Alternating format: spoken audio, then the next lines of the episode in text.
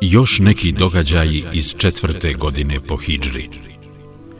Četvrte godine po Hidžri, pored događaja koje smo spomenuli, desili su se još neki od kojih ćemo, radi poznavanja historijskog slijeda dešavanja i radi pouke, posebno naglasiti sljedeće.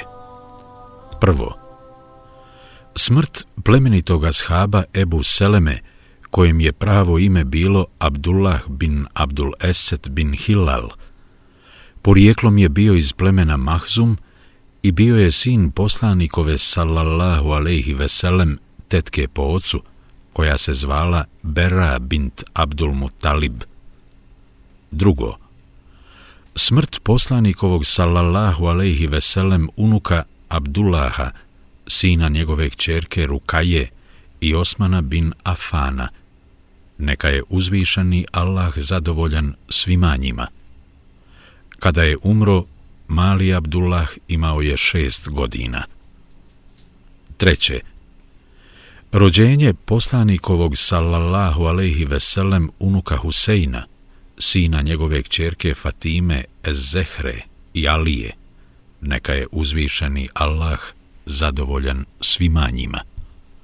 Četvrto, Poslanik sallallahu alaihi ve sellem ženi se Zajnebom, kćerkom Huzejme bin Harisa, koja je bila porijeklom iz klana Hilal. Ova poslanikova sallallahu alaihi ve sellem supruga bila je poznata po nadimku Umul Mesakin, to jest majka siromaha i nevoljnika. Peto.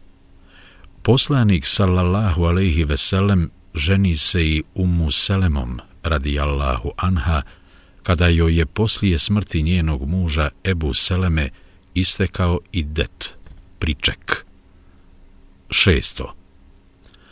Ove godine poslanik sallallahu alaihi veselem naredio je Zejdu bin Sabitu, mladiću koji je porijeklom bio ensarija, da nauči hebrejski jezik, koji je on u roku od svega 15 dana uspješno savladao. Predaju u kojoj Zaid bin Sabit pripovijeda da je za samo pola mjeseca naučio hebrejski jezik, bilježe Ebu Davud Sunen, broj 3645, Hakim Mustedrek 1 kroz 147, broj 252 i drugi, sa ispravnim lancem prenosilaca. Mm -hmm.